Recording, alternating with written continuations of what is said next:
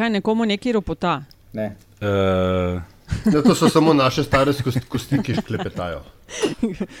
Ej, zdaj pa po resnici povejte, ne? koliko v teh dneh spremljate politiko. to, kako je vedno. Mislim, nas si vprašala. Za štartu epizodo, veš, v finale. Ja, letos Ja, je res- finale sezone. Ne? Ja, Madonna. Cele je prvak, eh, LDGD končuje, kaj je to druga sezona. A se lahko še kaj zgodi? Cel je prvak. In to je bila, kdo je gledal, je bila tekma tako precej na poskok. Super tekma je bila. Ja, res. Ne morem verjeti, Antiša pa Andraš, a ste jo Ja, gledali? mislim, uh, ok. Pa se, Gledal sem. Nataša, ti mogoče ne veš, ena od umazanih skrivnosti Andraževih je, da on kar spremlja futbal, a ne Andraž. Ne, Pa ne samo fuzbala. Spremljam, ampak bolj za voljo statistik, veš, mene zanimajo bolj Ja, številke, sej. se veš. Da, pa, da bi pa prav gledal, sem tudi včeraj začel šele tam nekje ni 54 minuti, pa sem pa gledal, ja, tam naprej sem pa gledal. A, wow, nisem vedela, da sta takšna No, futbalerja. Ja, no, mislim, pač, pač to je ne, posebna futbalerja, tekma, ne. gledava. Se ne zgodi vsako leto, No, da ne, da imaš zadnjo tekmo, ki odloča med obema. Pa, pa, še posebej, da pa Ja. ja. tisti, ki ne skakuje, konča na tretje mesto, to se tudi ne zgodi pogosto. Mhm. Ja. Lega, ki je poln številk. To je. a veš. Jaz sem pa na mestu, da bi tekmo gledal, sem pa orehov zadelal. A to je v redu. A, Ja, To za, mal pozen, ampak v za redu. spremljavo ob kakšni naslednji tekmi. Ja, ja. recimo, kakšni reprezentančni, ki bo šli, joj, ne spet. Tako. letos smo eno hudo reprezentančno izgubili. Če ne bi bilo COVID-a, bi bil pri nas Ronaldo s Portugalsko. Mislim, Portugalska bi bila, upam, da tudi Ronaldo z njimi. Mislim, veš kaj, če ne bi bilo COVID-a, bi bilo Evropsko prvenstvo v krlingu skupine C. Tako da to je bolj pomemben, kot kakršna koli ta tvoj un Ronaldo. Pa kakšen olimpijadka evro, bi bila. pa olimpijada. Ja. Pa kaj še ne evro, ja. Špica Ja, ne, je Ti odletela. lahko povem še eno tako dirty secret. Ne? Izpred dveh tednov, ko sem iz, iz Škra- Škržatovega kraljestva se javljal, eh, smo imeli s sabo PlayStation, zaradi mulca, ne zaradi mene, da ne bo kakšnih nesporazumov. Ja. In si igral V In sem zadnji dan si prvoščil dve tekmi FIFA 18, imam ne 19. In, in ugotovil, da v isti mobilni hiški, v kateri sem to isto tekmo gledal dve leti nazaj, zdaj to isto tekmo igram na A PlayStation. res? ja. In veš kaj, odlično. rezultat sem dosegel totalno enak, šlo je pa za tekmo uh, Belgija-Panama. Aha. Kaj si bil ti, Belgijc? Ja, seveda. No, to pa je meta, ne. Čist. Pred nami je častna naloga. Veliko pa je tudi drobnih, a prijetnih stvari, za katere dolgo ni bilo časa. ker se je bi ga nekdo mora boriti za otroke. Več afer, kot bodo sproducirali, bolj bom grizla in sekala lovke. Ugotovljeno je, da gre za prevaro, da ta prevoz in teh 3 milijone mask ni nikoli obstajalo. Mi nismo ničesar plačali, tako da eh, v tem primeru zagotovo ne gre za goljofijo. Seveda se odpirajo nekatera ideološka vprašanja, za katera smo mi na začetku sicer vedeli. Pa bom spet eh, s prispodobo udaril, da ne bo eh, izpadel nekonsistenten. To je LDGD, podcast, ki nikogar ne podcenjuje in ničesar ne jemlje preveč resno. V imenu svojih najbližjih in v božjem imenu vas pozivam na lov. Te razprave ne bom nadaljeval, pa ne zato, ker ne bi bil poguben, ampak zato, ker eh, nisem neumen. LDGD, podcast, ki nikogar ne podcenjuje in ničesar ne jemlje preveč resno, še posebej ne politike. In še zadnjič v letošnji sezoni vas pozdravljamo Aljaš Pengov Bitens, Radio Chaos, Antiša Korljan, Primorske novice, Andraž Zorko Valikon in Nataša Briški, Metina Lista. In seznam topik, topika, ste slišali že izraz, ki se tudi uporablja, topika, skajem. Ja. Ja, ja, ja seveda. To je, Vse smo na FDV. Jaz to sem skozi Sloveniji šel topik. topika. Jaz sem tudi mislil, da je topika. Ja. No, dajmo na naslednji level. Uh, se pravi, uh, razpravljati, uh, danes imamo nekako plan obdelati malo vrh rekla. EU. Ja, levela je zanč mi ena prijavila, grem na drugi level. Uh, vrh EU in odmevi v doma, potem uh, z zanimivimi trendi, ki jih Andraš opaža lahko spremlja ankete in stanje političnih strank, eh, koalicija in opozicija, pa mogoče še ankete na aplikacijo, kaj kažejo. Uh, zapiranje trgovin ob nedeljah in oblikovanje, to se je pojavilo na spletu, tako imenovane Maurične koalicije. In jasno, ob petkih izhaja LDGD, ob petkih že tri mesece tečejo protesti proti vladi, in ti protesti so se v zadnjih dneh ali pa v zadnjem tednu začenjali preoblikovati v tako imenovane ljudske skupščine. Uh, začnemo, kje primemo bika za roge, ali začnemo z vrhom EU, ali začnemo to, kar tudi smo rekli, da je pa treba.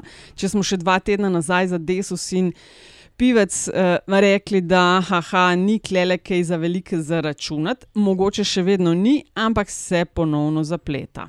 Predlagam, da gremo Kje? od vrha proti dnu.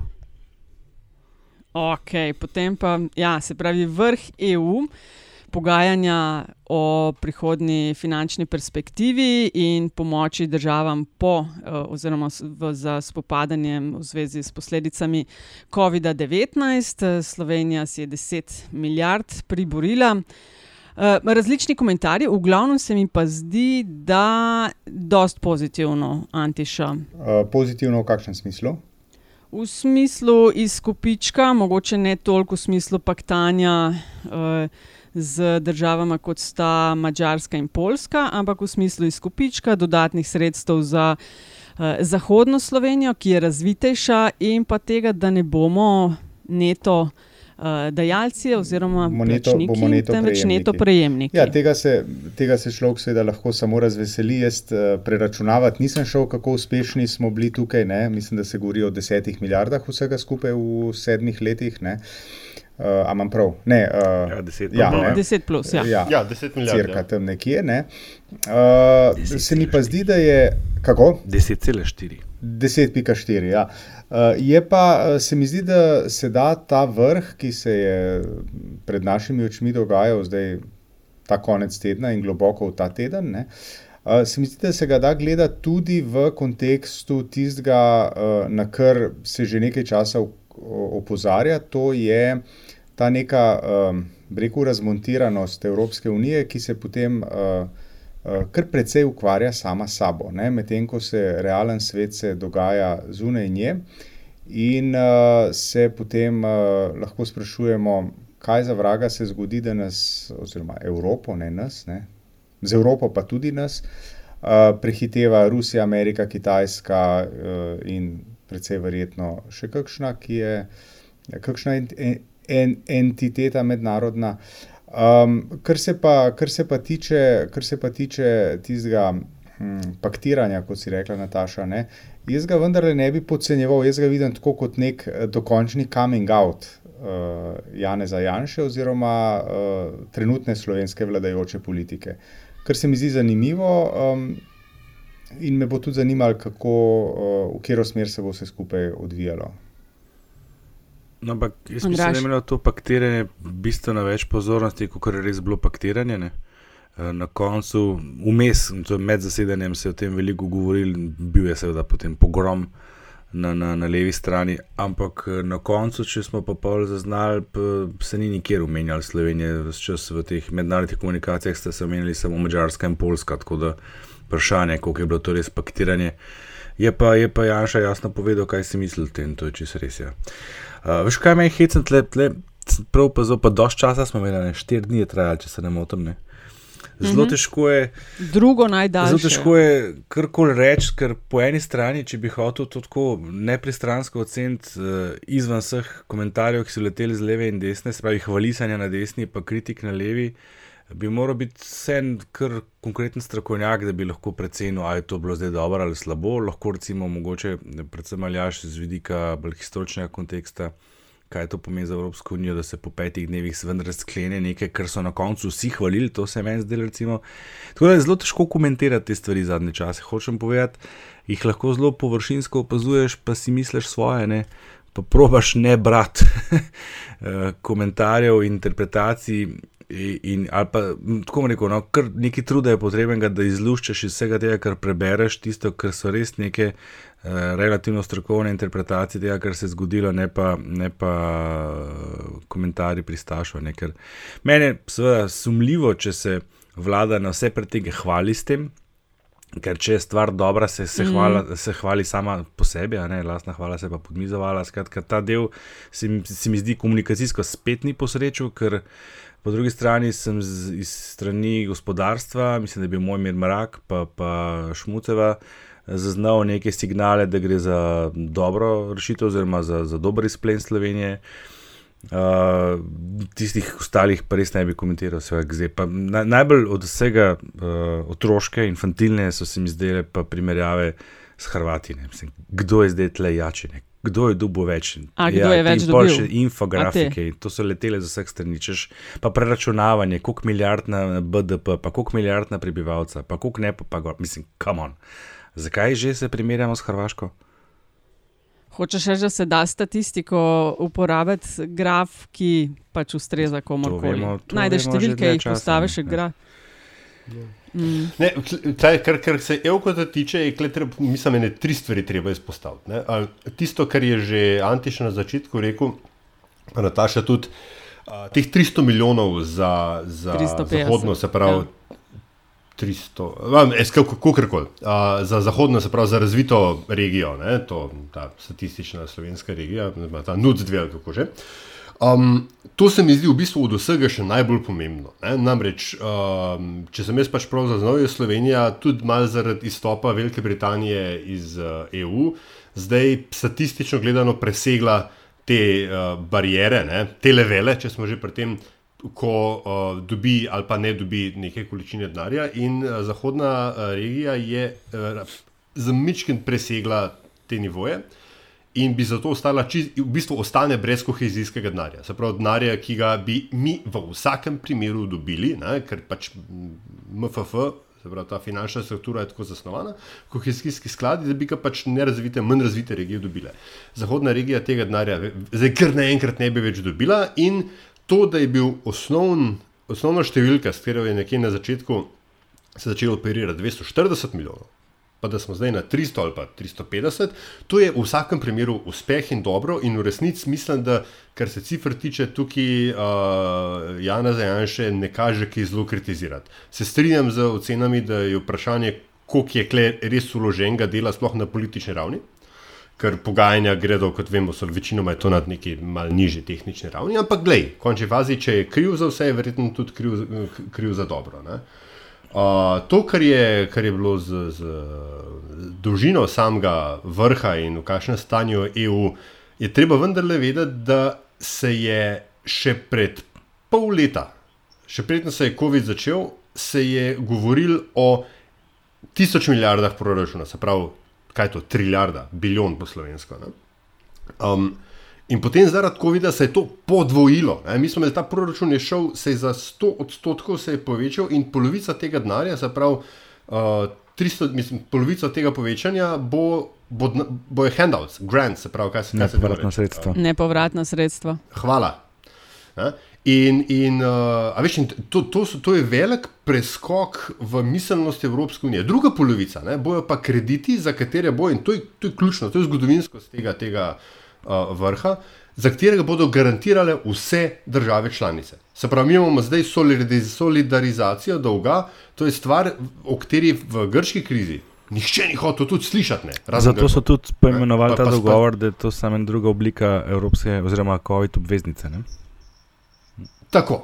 Ne? Veš, in to je, in to, da, se da so se po štirih dneh drž, tako različne države, ne, kot so pač te kalvinistični in potem še zdravo avstrijski frugalci, in tako dalje, da so se zmenili skupaj z uh, in mediteranski in v vsta, bom rekel, č- se pravi, po eni strani bolj racionalni in po drugi bolj emocionalni, da, ne- da ne rečemo zapravljivi del Evropske unije, ne, z vsemi ostalimi. Uh, um, se pravi, silnicami, ki tukaj že, no, noter so. To je dobro. Meni se zdi, da rezultat tega vrha je dober in Evropska unija v boljši kondiciji, kot je bila pred začetkom. Z vidika Slovenije bi pa A- sam dodal še eno piko na ine. Uh, tako kot je rekel Bezel Fawlty v eni svoji epizodi, ko je rešil hudo zagato ženo, spet ne, this was, tricky, uh, this was easy, now comes the tricky part. Uh, ključna stvar bo seveda črpanje tega. Ne. To je podatek, ki, ki je šel tako mičken, vmes tega dvakrat so ga omenjali, vlada je imela to včeraj zasedanje na to temo, ampak to je v bistvu ključ vsega. Ne pomaga ti, če ti dobiš 10 milijard pa pol, če smo imeli mi v zadnjih letih izkoristek teh sredstev nižji od 40 odstotkov. Um, to Ne, ni to ni- 39, to ne že drži 70, mislim, da je, 39. ne, 39 ga je ostalo, 70 posto cirka smo, smo počrpali. No. Tam nekje ja, na 7, 75 Ja, ja, tako. smo na koncu, ko se do Ja. konca gleda obdobje. Ker, ker moraš vedeti, da gre tudi črpanje poteka preko, preko samega okvira. Ne? Mi še, še z danes, pa naslednji let bomo črpali Ja. ja. sredstva iz prejšnje finančne perspektive. Je pa res, da Ampak- imamo počasen štart in da so na Brdu Tako. pri Kranju razpravljali to, točno o tem, kako pomembno je črpanje, pri katerem vsem bi lahko bili boljši in kako to zagnati že od štarta na boljšno. In ko Ja. smo pri tej debati E, če, če, lahko, Brdu, če lahko, če lahko, prosim, Daj, no, Nataša, ker nam zmanjkuje sekunda. časa. Vem. Sam glede te o, o, Orban, uh, pa Janša, pa Poljak, tako dalje. Jaz bi samo dodal, da je bil to je bil Janša šov za domačo publiko. Tako kot je Andraš rekel, na evropski ravni tega zares ni nišče zaznal, razen v tem času vrha, pa so se potem premaknili na, na, druge, na druge teme. In eh, ravno v času, ko to snemamo, eh, vlada razpravlja o. Se pravi, kako počrpati ta sredstva, in na ta sestanek vlade, um, ker smo že v prejšnji epizodi o tem govorili, prihaja valjda tudi članica koalicije Desus in Aleksandra Pivec. Uh, in po ljubljanskem odboru je, odkar se nismo videli, njej nezaupnico dal še celski odbor Desusa, v Pomurskem so se, um, če sem prav ujela, spičili še pred glasovanjem. Sicer ima deset odborov Desus, ne? a se nam zdi, uh, da pa vsem bo uh, zanimivo nadaljevanje, ker se non-stop uh, razpravlja o tem, ali vlada Janeza Janše bo ali ne bo dokončala mandata in jasno iz leve in iz desne drugačni signali. Antiša, kaj ti Ja, misliš? Po mojem, eh, odgovor na tvoje prvo vprašanje je, seveda, bo zanimivo za spremljati. Ne? Jaz bi se v kontekstu napovedovanja uh, prihodnosti vlade Janeza Janša, jaz bi se vzdržal. Uh, kar se tiče pa Desusa, je pa tako. Ne? Tam se, na kar smo tudi tukaj v tem omizju oziroma krogu že večkrat upozorili, ne? tam se uh, gospe predsednici dogaja to, da je podcenila, po mojem, uh, kako čem reči, teren ali pa um, stare sile, ali ne vem kako to reči. Se pravi, ma ne stare sile v tem, v, tem, v tem pomenu, kot se pogosto tukaj uporablja v Sloveniji, ne? ampak pač ljudje, ljudi, ki so bili tam odnegdaj in se jim mogoče zdi zdaj malo za malo, da nekdo pride in po pol leta začne obračati ta tanker, vendarle, ne vsaka stranka, vsako stranko lahko primerjamo s tankerjem, ker se počasno stvari dogajajo, začne relativno hitro obračati v neko povsem novo smer. Ne? In zdaj, seveda je odpor na ta račun, je razumljiv. In uh, jaz bom veli, uh, že zdaj z velikim zanimanjem spremljal, in mislim, da to, kar zdaj spremljamo, še ni konec zgodbe. Da se bo še kar dogajalo. Le, če smo Mhm. v času volitev, oziroma sem v času volitev 2018 večkrat podaril, da Desus ni bil nikoli leva stranka, je treba zdaj povedati tudi, da Desus tudi nikoli ni bil desna stranka. Ne? In jaz mislim, da je to logična posledica tega, da Desus sodeluje v vladi, ki je desno populistična, to je treba pač na glas priznati.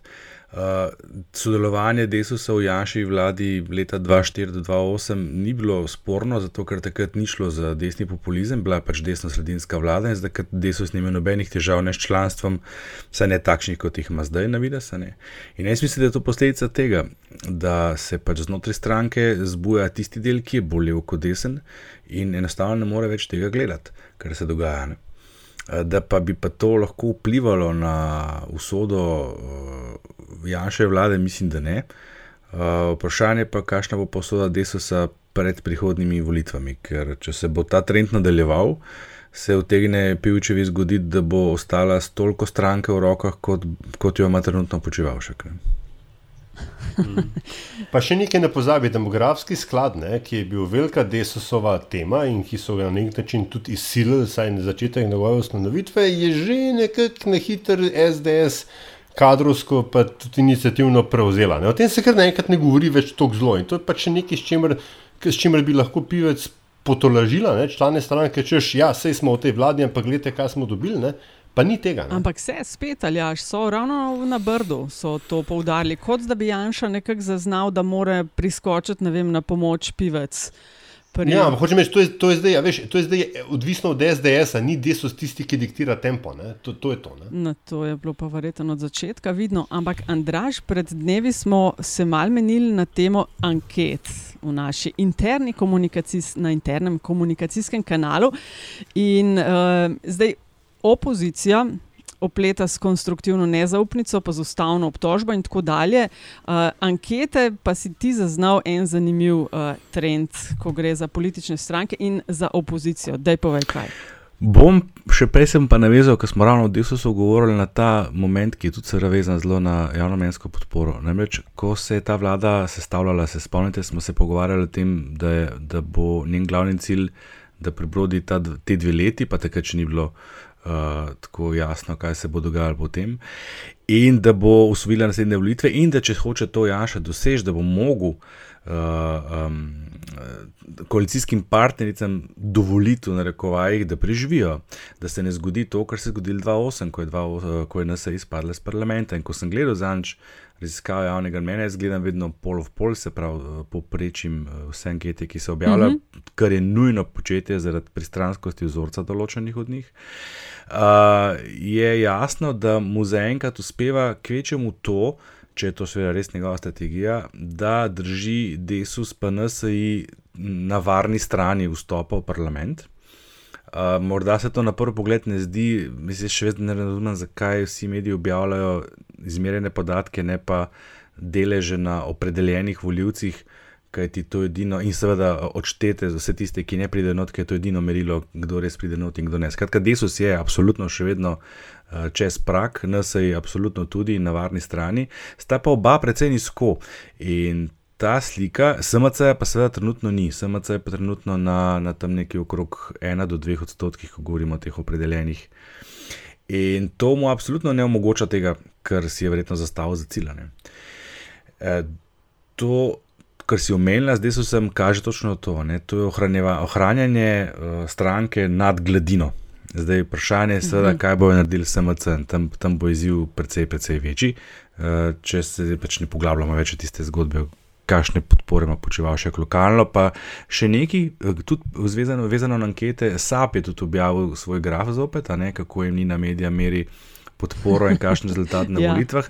Zakaj to omenjam? Zato, ker SAP in SMC sta dva primera strank, ki jih ankete sistematično podcenjujejo. Eh, in na volitvah pokažejo drugačen rezultat. Zato jaz sem se ne čist odpisal, Uh, jaz mislim, da če bo ta vlada zdržala do konca in se kaže, da bo, ima počeval še dovolj časa, da tudi splava čez ta parlamentarni prak, verjetno mnenje, s katerim se redko kdo strinja. Vzorc, ki sem ga opazil, ki sem imel, da, da se hitro uh, vrnem na zvišno vprašanje, ja, je, pa ta, ne, je pa seveda ja. uh, dvoboj SD-LMŠ. V zadnjih anketah je SD zdaj dokončno prehitela LMŠ, ta trend se je začel ne mudoma in pred takoj, ko je Tanja Fajon prevzela vodene stranke. Uh, ni toliko odziv na to, kar je Tanja Fajon do sedaj pokazala, ker je težko kaj pokazala ali pa izrekla, ampak predvsem na, je to hipen odziv na zgolj menjavo voditelja. In vprašanje, kaj res pomeni. Kar je pa zanimivo, je pa ta vzorec. Ne. Jaz sem šel gledati nazaj, leta 2015 se je popolnoma isto zgodilo z razmerjem med SMC in SDM, s tem, da je bil SMC takrat še na oblasti, to je edina razlika. LMŠ je bil trenutno po, po pacu vlade Šarčeve in potem, ko je bila ta vlada uh, soočena z vsemi obtožbami in tako naprej, spet zrastu in na to pride Fajonova in se zgodi isti vzorec, kot se zgodi 2015. A zakaj pa to poudarjam? Ne? To ne pomeni, ne, nikakor ne, da bi zdaj na volitvah ta leva sredina uspela tu dejansko prevladati. Namreč, eh, da bi leva sredina prevladala, ima isti izziv kot Janša, če hoče še enkrat zmagati in to je missing SMC. Uh, to je zelo zanimivo, ironično po eni strani, da ima oba pola imata ta problem da ne moreta prevladati, uh, ne da bi tu obstajala še ena stranka, ki uh, pride skozi parlament in ima dovolj glasov, da sodeluje v koaliciji. tu je ena od možnih interpretacij. Mm. Uh, veš, doskrat govorimo o SD-ju, se mi zdi, pa LMŠ-ju, ko govorimo o opoziciji. Uh, kaj pa levica, Antiša? A spremljaš kaj, ne vem, gibanje teh opozicijskih politikov in političark, uh, ker je, je slišati en glasen krik ljudstva, da ni liderja, ki bi to povezal. Na levici. A ga vidiš govor, v levici? Go, govoriš v stranki Levica? Stranki, ja. ja ne, ne stranki. vidim ga. Ne vidim ga. Ta stranka si v bistvu dela, po mojem mnenju, pa ne vem, če bi me številke potrdili, ampak po mojem mnenju si dela največjo škodo, si stranka dela z, z, z nastopi vsaj dveh poslancev, en je Violeta Tomič, drug je uh, Miha Kordiš. Uh, Jaz bi rekel, tukaj je še dobro, da imajo Luko Meseca. No? Ampak po drugi strani se mi Luka Mesec ne zdi uh, lider levice, se mi ne zdi lider. On je sicer načitan, uh, prebrisan, tudi kot opažamo, um, tak good guy, no? bi, bi si upal reči, ne? ampak lider pa se mi zdi, da ni. Tako da v stranki, uh, stranki ga ne vidim. Se mi pa, ko, E, se mi pa ko, zdi, ja. uh, ko govorimo o liderjih, en kratek ekskurs, mogoče se mi zdi strašno zanimivo, kako se kar pos, pobesnelo še vedno išče uh, nove obraze za politiko. Včeraj mislim, da sem bral članek o tem, kako nagovarjajo za vlado uh, Jožeta Mermala iz BTC. Ne. Ja, ja. Ta, se mi, ta se mi zdi v redu. To ne. rob se omenja kot tehnični mandatar. To ne rob Ja. ja. se je pojavil na odmevih, Ja, zadnjič ja. je imel čist simpatičen nastop, ampak uh, dobro, mislim, nikoli ne reci nikoli. Ne? On je bil predsednik vlade. Um, ampak hočem reči, ne, po tistem, ko uh, prizadevanja pri uh, Čeferinu, pri Marti Kos uh, niso obrodile, obrodi, obrodila sedov. Uh, dajmo zdaj pa Mermala iz javnih skladišč vprašati, mogoče bi pa on bil predsednik vlade. Ja, po mojem, lih rab to.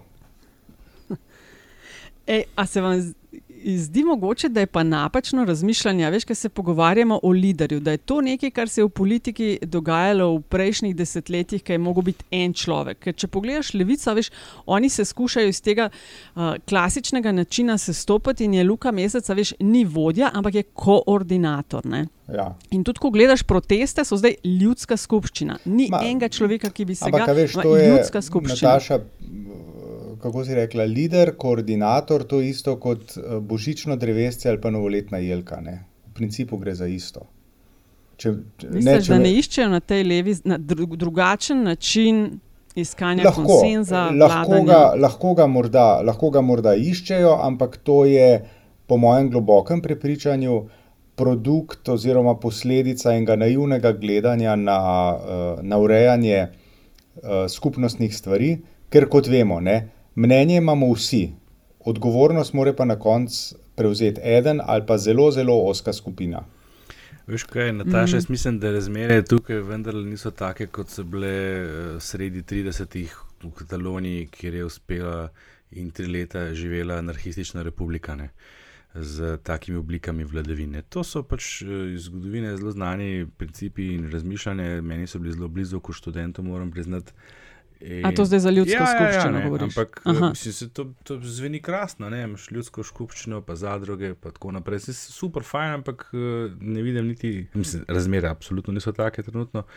Uh, ne Aha. vidim možnosti, da bi ta način uh, politične participacije na koncu vladavine, oziroma ne vladavine v resnici, ne v tem primeru, ker gre za anarhistično obliko uh, življenja, uh, v kakorkoli obliki lahko uspel preživeti kakorkoli. Levica je, hočeš nočeš del tega, veš, to je, to je idealistično razmišljanje, je čisto legitimno, ki pa ne samo zaradi tega, kar je Ante še omenil, zaradi nastopov posameznikov, tudi zaradi samega pristopa k stvari ne more čez 10%. Poleg tega, če se še malo ankete vrnemo, zdaj, ko je SD začela pridobivati tudi kakšen odstotek odletov stran na ta račun. Ne. Tako da tle absolutno ni. ni Aha, misliš, da levici jemljajo konkretno? Ampak čim ne veliko. Ja, moraš vedeti, da levica, ko je nastala, je pobrala levi, levo-levi del SD-ja voljivcev. ne. Tisti, tisti, Ja. tisti iskreni levi del, ki je bil razočaran nad tem, kako je šla SD proti sredini in kako je postala stranka srednjega sloja in tako naprej. Ta- Takrat je izgubila kar nekaj glasov. Pol je dobila še kar nekaj glasov iz razpadajoče baze voljivcev SMC. In, in to, je, to je njihovo konstitutivno telo. Ne? Z, z vidika, In misliš, da zdaj gre pa v, obratno Ne, ne, smer, ne do te mere, da ljudje bi- ne verjamejo to idealistično Ne, ne, ne, upletanje, to ne. bi. Mislim, po eni strani je bila pa levica tudi izhod za to levo intelektualno elito, ne, ki, ki ni več videla benih možnosti, oziroma, kako bi rekel, opcij preživetja znotraj teh strank, novih obrazov in tako naprej. Ne, ker ta leva uh, intelektualna elita, ne vem, ljubljanska, FDV, kako koli jih lahko rečete. To je smešno, ker nas FDV so tako vsi levi in desni. vsi štirje smo mi s Pa mi, ja, to je res malo hecen s tem upletati. Um, ampak vemo, kaj sem mislil povedati. s tem. V glavnem, uh, to, so, to, to je bil, a veš, tako en tak azil, ne? zdaj imamo pa končno stranko, kjer pa se mi ne bomo več, kjer ne, kjer ne bomo lastnih idealov več prodajali. Ne? ne bomo več prodajali lastnih idealov v okviru pozitivne Slovenije, SMC, ne vem koga vse. In ta. To iskanje novih obrazov, jaz mislim, da je, tudi, da je to dejansko preživeto, ker če bi to še funkcioniralo, kakorkoli zdaj le anti-janša moment, spet zelo močan, ne, bi, bi, bi funkcioniralo tudi pri Šarcu, pa ni. Ne. Šarc je bil, a veš, spet mm. nov obraz, je preletel ta levo-sredinski blok voljivcev in kaj dosegel? 12,6 odstotkov. Na koncu Mislim- še lastno vlado potopil. Jaz bi, kar sam, kar se ljudskih skupščin tiče, kratke venite. Jaz tega, seveda, kot, kot, kot eh, resen politični inštrument v današnjem času to ne more delovati iz multitude razlogov. Ne? Ampak kot uh, kanal za organizirano izražanje uh, nezadovoljstva m, precej definiranega konca spektra političnega je pa lahko zelo učinkovito. Ne? Uh, ker če ga do, dovolj dobro predstaviš, ga je tudi lažje razumeti, in ne, bodimo iskreni, tudi mediji ga potem lažje sprocesirajo, ne, kot pa da tam skačeš okoli um, znanih um, protestniških obražov in sprašuješ, zakaj pa danes protestirate. Ne? In tudi dosti dobro podlago ima, da te prekinjam v Sloveniji. Že od konca 80-ih naprej bomo se spomnili Ja, novih ja, ja. družbenih gibanj, Tako. civilne družbe in tako naprej. Podlaga Ja, ampak je. veste, tukaj na eno stvar je, um, je pa treba upozoriti, ne, da je um, večina teh projektov je na eni točki šla v uh, institucionalizacijo, Mhm, zaradi mhm. tega, ker so ugotovili, ker so ugotovili, da drugače je zelo vprašljiva učinkovitost. In v trenutku, ko se je šlo v to in- institucionalizacijo, je prišlo uh, do uh, sporov, Ja. je prišlo do razkolov. In uh, potem so stvari. Kdo bo lider, Do Levica je vodil, kdo bo iz leta minister. 2014, Ja. ne. Diferenciacija je izraz, ki ga iščeš. Levica je Ja, ja, produkt no. teh protestov iz 2012 ne, in je nastopila je Tako. institucionalizirano Ja, ja, ja. 2014 in vemo, kaj se je pa zgodilo. ne. Prišlo je potem do razkola teh skupin, ki so to ustanovili. Vse, a veste, v tej, v tej uh, embrionalni fazi, če smem tako reči, uh, tudi sam gledam na vse te pobude in uh, pač politolog v meni, kot bi rekel Aljaš, ne, gleda, gleda na to z, z določeno mero simpatije, ne glede na, na to, odkot stvari prihajajo. Ampak potem se pa praktik v meni vpraša, ok, zdaj pa kako bo od tukaj naprej, me bo pa zanimalo, kako se bodo te stvari operacionalizirale. Zaradi, te, zaradi tega, ker če hočeš stvari izpeljati, jih moraš formalizirati, jih moraš uh, strukturirati in moraš postaviti neko, da tako rečem, chain of command. Absolut, absolutno. Mhm, absolutno. In potem, potem imamo pa tukaj, ker tukaj so pa praviloma na kupu zbrani frajgajsti, pa imamo pa problem. Ja, ja. Kdo bo vodil, kdo bo rekel, ja, Ja, levo, desno, naprej. In v Točno to, trenutku, ja. a veste, v trenutku, ko se moje mnenje uh, ne upošteva, se ga samo sliši, se ga pa ne upošteva, uh, imam pa jaz s tem problem in je potem to nedemokratično in smo potem samo še pol koraka od tega, da jaz rečem, da je gibanje, v katerem sem do včeraj sodeloval, da je to navadno fašistično. Uh, fašistična skupina. Ja, ne, da- da o sankcioniranju ne govorimo, ne. Demokratični princip je največji sovražnik demokratičnih sil. ne. O gibanju, ki imajo lahko kratek rok, kaj pa ta maurična koalicija, ob, eh, ki je glasovala, oziroma ni glasovala za zapiranje trgovin in se je vse skupaj odločanje z dodatno uloženimi amantmaji eh, preneslo zdaj na na jesen. jesen, ne, Ja. na september. Um, čakaj, kdo je že vse bil v tej maurični koaliciji, dajte me Vsi spomniti. razen SDS, SMC, pa SNS. No, a je to lahko nekaj, kar uh, zapreš ta cuno vladi v eni fazi? Ne. A sta, a sta rekla v, v, enoglasno zdaj Antiša? Skoraj- Pa skoraj da, no, skoraj da. Lahko zmontiram tako. Antiša ponavadi eh, se ne opredeljuje do stvari, ki se bodo zgodile v prihodnosti. Ne, ampak jaz mislim, da bi to bilo, jaz mislim, da je to pre, mm, um, preambiciozno razmišljanje, tako bom rekel. No. Mislim, Mm. Čakaj, ja. mi smo vsi za sežno. zapiranje. Kakšno je naše stališče do zapiranja trgovin? Mislim, naše, od vas, vseh posameznikov. Mislim, če ne bo takšno, kot bom jaz rekel, ste vi pač enostavno e- ena fašistična skupina. Ne? Točno to. In jaz to se pridružujem, Aljažu. Ne? Kar se, pa, kar se pa trgovin tiče, je pa eh, jaz sem v bistvu na lastni koži v času uh, zaprtja, lockdowna in COVID-a ugotovil, da mi absolutno ne manjkajo. Ne? Tako da čist z vidika mentalnega zdravja, po mojem, ni čist nič narobe, če so trgovine zaprte, ker zdaj imamo lepe dneve in polne shopping centre. Um, Lep. ampak uh, zdaj pa, kar se pa tiče svobodne pobude, podjetniške, pa ne, vse vemo. Ja, ne. kaj pa v turističnih centrih, kaj pa petrol, kaj pa. No, a veš, pa greš pa v Istro, pa si predstavljaj, da greš v trgovino, hočeš trgovino v nedeljo, pa ne moš pa se zgražaš, kako ne štekajo turizma. Pa če jaz prav razumem, pač je tako en kup enih izjem v, v, v ta zakon, zdaj ugrajenih za mehke štacune, pa turistične štacune, pa ne vem kva. Ja, Skratka, ja, ja. spet imamo pravilo, ki ima en kup enih izjem, zato da so lahko vsi rekli na koncu, evo, politična zmaga. Ne? Ne veš, kaj me je najbolj zanimivo pri teh trgovinah? Imamo rezultat referenduma iz daljnega 2003, če se ne motim, kjer je bilo Mislim, je bil večinsko tri, ja. za primo. Ne? Pa pustimo zdaj, kakšna je udeležba, pa ni bila slaba takrat za referendum. Potem imamo kar en kup javnomnenjskih raziskav, različnih izvajalcev, tudi mi smo enkrat to sprašvali, ne vem, kjer ga leta že. Vedno izpade, da so ljudje, potrošniki v večji meri za zaprtje ob nedeljah kot ne. Pa se to vleče že 15 let. Jaz ne- nečesa drugega ne razumem. Ne. Če je večina ljudi za zaprtje, zakaj se potem tako trudijo, da bi te trgovine ostale odprte? Ker Zato, ker je to v interesu trgovinske zbornice in uh, kapitala. No, ne. Zdaj, koliko je pa zdaj ta prosti trg, veš, kako je pa to pri trgovinah, to pa tudi dosti dobro poznamo znotraj zidika komuniciranja. Ne. Ko ena trgovina nekaj naredi, si ostale štiri te velike ne morejo privoščiti, da tega ne bi ponovile za njo. Mhm, mhm. To je pa ta In v catch bistvu- 22, v katerega so ujete. Ena bo odprta v nedeljo, bo vse odprte v nedeljo, na koncu dneva bodo vse priznali, da imajo same težave s tem. Ja. Ja. In zato, ker veš, vsi ljudje ne pridejo lobirati za zapiranje trgovin, pridejo pa lobirati predstavniki uh, kapitala. In veš, kaj bi bilo super, ko smo pri aplikaciji za sledenje virusu COVID-19. Je nekdo predlagal par dni nazaj, kaj pa aplikacija, za, ki bi skenirala seznam lobističnih stikov, protikorupcijska, ali kako so jo že naslovili. Lepa. Da bi se za vsazga vedeli in bi ljudje tako imeli možnost videti, kdo.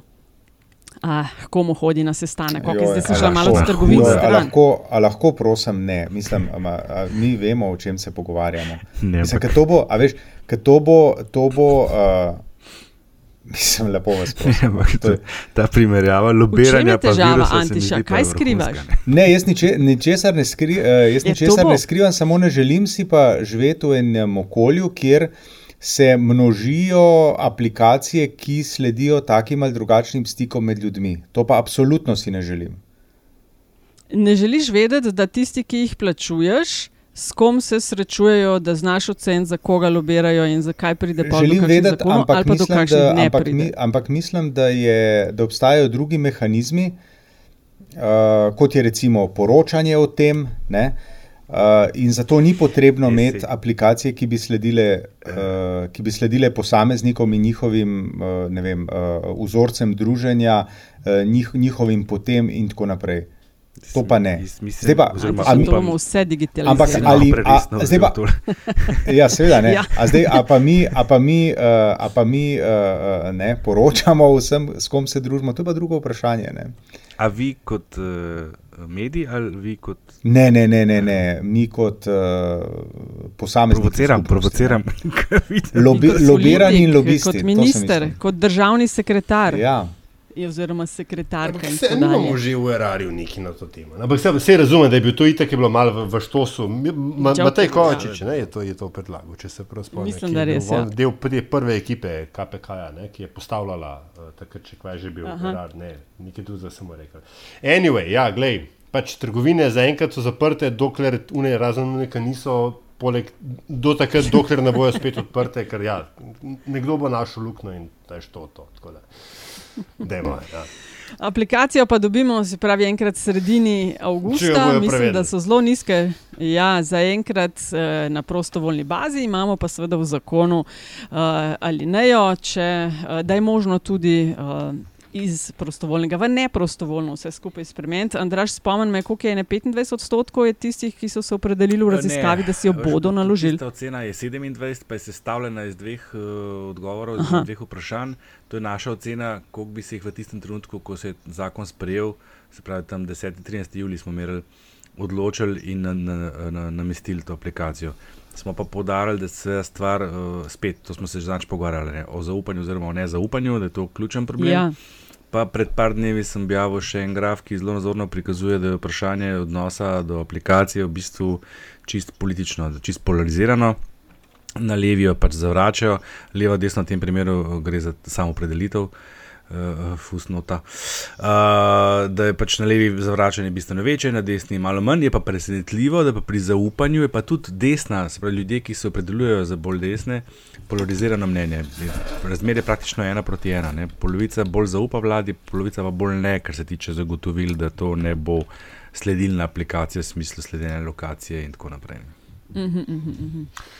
Ok, malo počakamo, pa boste tam nekje v avgusta bomo videli, kje smo približno. Ne, kakšno ustavno presojo vmes. Jeste, a gremo na zadnjih Pejmo. 30, ali bi želel še Pejmo. kdo kakšno piko postaviti? Pejmo. Kdo, želi, kdo se javi? Jaz se bom javil. A- Aha, ok. okay. Ker sem zadnjič spet evidenco gledal, pa sem bil čist grožen. Moram se dvigati. Nisi prvi. Moram se dvigati iz ozadja. Uh, jaz bi priporočil film tokrat, Booksmart. Uh, sem ga, sem ga našel zadnjič, mislim, da na Cinemaxu ali pa HBO, tle v tem paketu je. Za vse ljubitelje uh, ameriških teenage, body, last day of school movijev, uh, predvsem za ljubitelje filma Superbad izpred nekaj 10 plus let. Uh, boste, boste presenečeni, absolutno, vsekakor ne gre za tipično najstniško komedijo. Uh, preseneča pa v marsikaterem pogledu, uh, predvsem tudi v sami strukturi. Jaz sem, v, uh, ga, sem ga označil s klišejem nad kliše. Um, je super bed našega časa, ki pa moram priznati, da ga jaz, kot bi rekel, Aljaš, starejši občan na začetku nisem štekal. In sem se prvič v življenju po gledu filma začel sprašovati, ali sem jaz res že tako star, da ne štekam več tega. Uh, sem pa zdržal in sem bil zelo hvaležen temu, da sem zdržal tistih prvih 20 minut, ko se sprašuješ, VTF, a ne. Uh, in, se, in se in gradi, in gradi, in se režiš, in, in, in se vedno bolj režiš, in je res krasen film, ki si ga bom absolutno še enkrat pogledal. Booksmart. Booksmart. Okay. Antiša? Ja, jaz, glede na to, da danes delamo uh, zaključek sezone, bi izkoristil priložnost, pa bi se v bistvu rad zahvalil za uh, vsem, ki nas poslušate. Ne. Uh, enako bi se rad zahvalil vsem, ki se odzovete. Uh, v času od uh, zadnje epizode do snemanja te epizode sem imel glas od Denisa Štir Kričač in uh, se je odzval na eno od trditev v naši razpravi. Tako da mene vsakeč znova razveselijo ljudje, ki se odzivajo na tisto, kar mi počnemo. Tako da hvala lepa in trudili se bomo, da bo tako še naprej. No, pa bom jaz, ki je prav, da je šefica ta zadnja. ne. Um, Ki je Antiša vse vzel, ampak kaj A, res bi mogel biti zadnji s tem. V redu je, Kako je suno, zdaj pa hotel biti No. prvi. Za vsak slučaj. Nisem hotel biti. Skratka, jaz imam sam, uh, um, vse, kar je bilo že povedano, uh, in super je bilo, in upam, da se, um, kako že, če ne prej, se slišimo naslednjič. Ampak uh, medtem, ko boste tavali po voucherskih ali drugačnih turizmih, um, imejte v mislih tudi to, da tisti uh, policisti in druge uradne osebe, ki so na mejah, tega ne delajo zato, ker bi radi to počeli, ne, ampak zato, ker morajo, ne, ker je to njihova naloga. In uh, tudi, če ste bili v vrsti, pa na vročini, pa če klima crkala, ne se nad njimi znašati.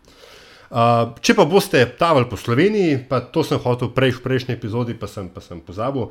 Um, Tolminsko, Kubarit, nasploh posoče, absolutno za pogled, za uživati. Uh, pot miru nad Tolminom je čudovita in uh, uživajte poletje. In še mojih zadnjih 30, ker je tako in tako treba večkrat reči hvala. Uh, ne samo, da je to epizoda številka 42 in za 42 od štoparskega vodnika po galaksiji dalje vemo, da je odgovor na vprašanje o vesolju, življenju in sploh vsem še več. Pravkar postavljamo piko na in natančno 30. epizodi, s katero zaključujemo drugo sezono podcasta LDGD. Doslej uh, smo si ob novem letu ponavadi želeli eno zdravo leto, uh, COVID-19 spreminja perspektive. Tako da v imenu ekipe kličem stokrat hvala za spremljanje podcasta in vašo podporo, vsem nam pa želim eno zdravo poletje. Ganjen sem. In se dobrim željam približati. Koliko številk? Evo, Tako. 44 smo. Ne? Super, ja. Odlično.